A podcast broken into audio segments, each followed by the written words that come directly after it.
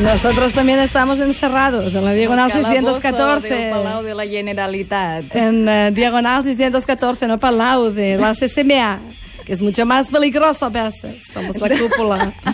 Mi ruso de Putin lo llevo muy bien, estoy de practicando. Putin. Lo llevo de Putin, madre. Bueno, fora bromens. Bona pot nit. ser una falcon, eh, d'això, Josep Maria Marçà, que estàs mirant encara els ditets se li estan enfilant per les parets. Nostre gran tècnic. Bona nit, Anna Ferrer. Molt bona nit. Albertí. que Encara si no més bona. segons cognoms, uh, no. Són importantíssims. Grasoleta de bacallà fa dies que no t'ho dic, uh Mhm. però clar, l'any passat li podia dir amb més carinyo perquè parlava de personatges secundaris. Però aquest any només vol morir ella. Vinga a I a tallar més a més, sí. avui vens a tallar el rotllo molt fort perquè vol morir de mort. Sí. No de, no de mort, que és el que volem tots, perquè ens trobem un tio a l'ascensor que ens desperti tota la feromona. No, no, no. O sigui, morir de muerte, de mort. Doncs uh, sí, uh, vull dir, ho has dit perfectament. Avui farem el, això quan la mort en majúscula, quan el personatge mort se't presenta a casa, i sorpresa, i a veure què passarà. Soy el de la guadaña. Sí, ya lo veo, pero... Soy la muerte. Ya, es que verá, esta noche han venido a cenar unos norteamericanos y ¿Quién claro... es, cariño? Un tal señor muerte ha venido por lo de la siega, aunque creo que ahora ya no es tiempo de ¡Hola! siega. Vamos, no le dejes en la puerta, cariño. Dile que entre. Querida, no creo que sea el momento. Pase usted, entre. Tómese una copa con nosotros. Pase, vamos. Perdona, el senyor de la dalla de la mort, que he Sí. trucat a la Gual per saber com és de la guadanya. Sí, la- la dalla. La dalla de la mort. Sí. eh, i sembla com un anunci de Fairy, no? Entri, que m'arreglarà el piset, no? Passi, passi, passi, i passi, que tinc unes saques aquí que no m'acaben de marxar. Bueno, doncs, bueno, si, si mai es presenta la parca a casa teva, sempre pots fer eh, això, vingui, vingui, que netejarem junts. Exacte. Però això, posem-nos en situació, el de la guadanya aquest que deien és la representació més típica de la mort, que és això, la figura alta, encaputxada, amb una dalla molt correcta en català, i habitualment és un esquelet, i això se li diu la parca fent referència a la mitologia romana. Més enllà d'això, fins i tot aquesta personificació tan clàssica té milers de milions de variacions, i tenim que a vegades és cruel i a vegades és benèvola, que a vegades és la mateixa mort, la personificació 100% de la mort, i a vegades és un simple missatger. I a vegades és una entitat eterna i a vegades només un funcionari que li toca fer la feina i que n'hi ha uns quants al seu voltant. I per això he pensat que avui podríem parlar d'algunes maneres interessants de representar la mort i la seva manera de treballar, siguin parques o no, de tot. I sabeu que per força hi haurà spoilers, em disculpo, però si estem fent la mort cauran coses, especialment avui. Estem fent l'amor o la mort? Totes dues coses. Et dic una cosa, hi ha dos eh, mm, vaja, bessons Sí? d'insectes fornicant el parabrises de Triqui Laura, que ens escolta des de Barcelona FM ara mateix i ens acaba d'enviar una foto per anar-se'n al sonar. Super romàntic. És bastant fornicador romàntic. Molt bé. Doncs anem, si vols, amb el setè segell. Segell? Segell? Setè segell, El setè segell, que és uh, bueno, la primera referència inevitable, que és això. Ingmar Bergman, aquell Ingmar senyor. Bergman, el 57.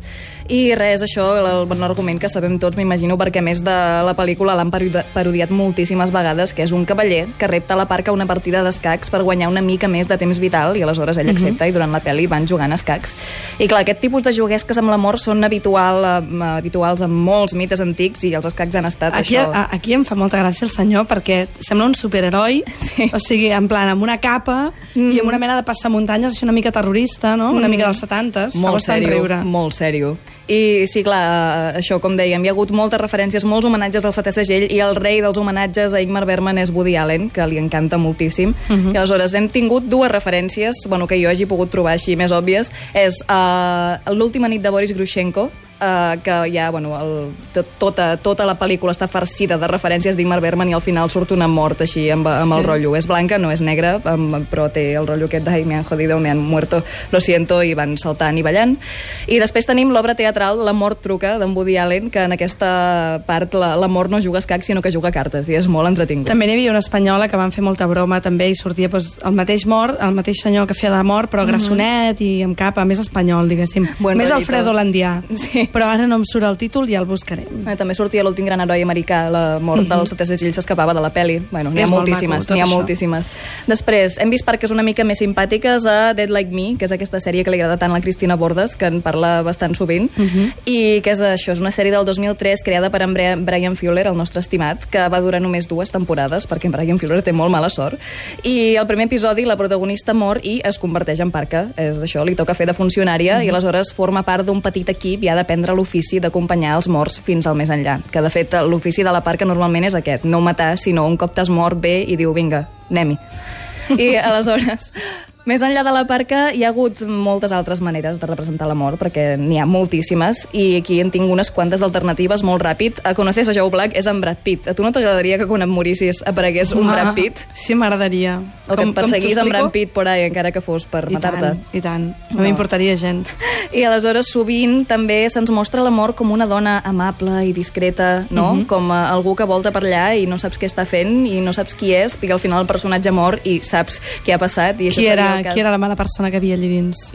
Mala persona, no, no, no ha de ser una mala persona, no? Necessàriament. No sé. Això ho hem vist, per exemple, a Cien años de soledad, que és una senyora amb un vestit blau, o El último show, que és la- l'última pel·li d'en Robert Altman, casualment, que és una, una senyora amb una, uh, com es diu, amb una gabardina blanca, que es va passejant por ahí. Escoltem-la un moment. Tranquila, no pasa nada. ¿Cómo puedes estar muerto? Se ha ido, eso es todo. Mi querido Jack. Mi vida. La muerte de un anciano no es una tragedia. No. No quiero que muera.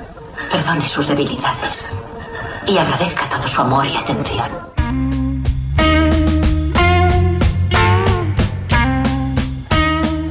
Això passa quan portes gabardines blanques, que dius coses aquestes. Bueno, però és, la, la, la pel·li és comèdia, eh? Encara que aquest moment sembli molt tràgic, és, és guai. Per i la- cert, i la ja he trobat, ja he trobat la pel·lícula Sí? del Torremolino 73, del Javier Cámara, on feia de mort, hosti. de mort d'Ingmar sí, Bergman. Sí, sí, sí, correcte. Molt romàntic. Uh, Molt ja romàntic. està, eh? Ja he acabat de fer amb la meva cerca aquí sobre. pel Google. Molt bé.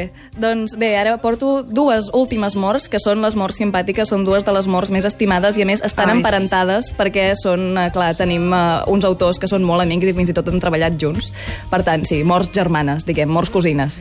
Una, la, la primera... la del Terry Pratchett, que ens va deixar fa pocs dies, exactament, pobret. Exactament, és això, una parca, com les clàssiques, amb la dalla i la caputxa, que és un dels personatges centrals i més estimats, sense cap mena de dubte, a les novel·les de Mundo Disco. I aleshores hi ha cinc llibres on és la protagonista, però apareix gairebé a tota la resta. Potser n'hi ha un o dos on no.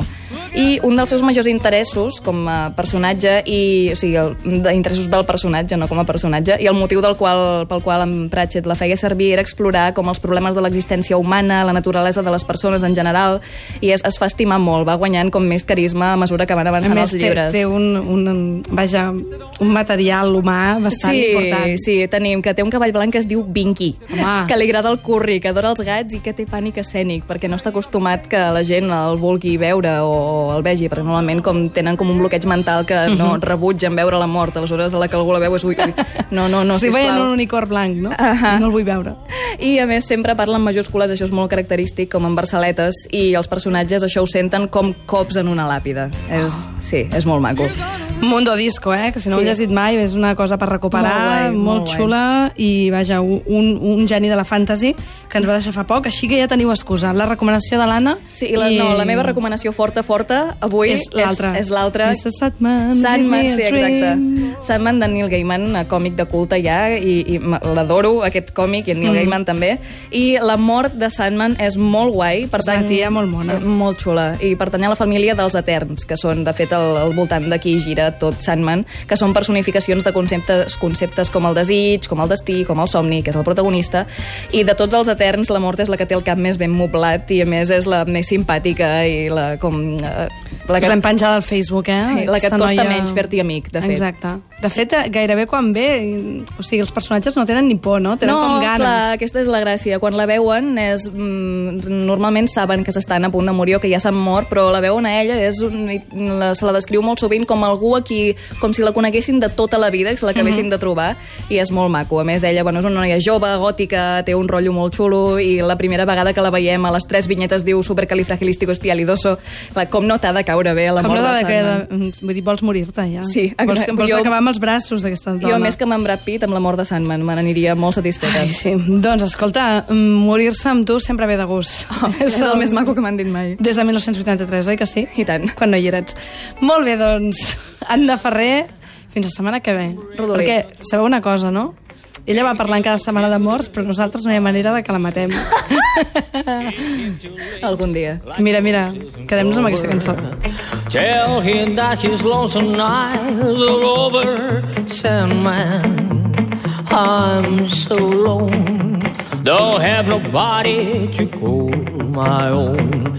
Please turn on your magic beam, Mr. Sandman, bring me a dream. www.radiotrinitat.cat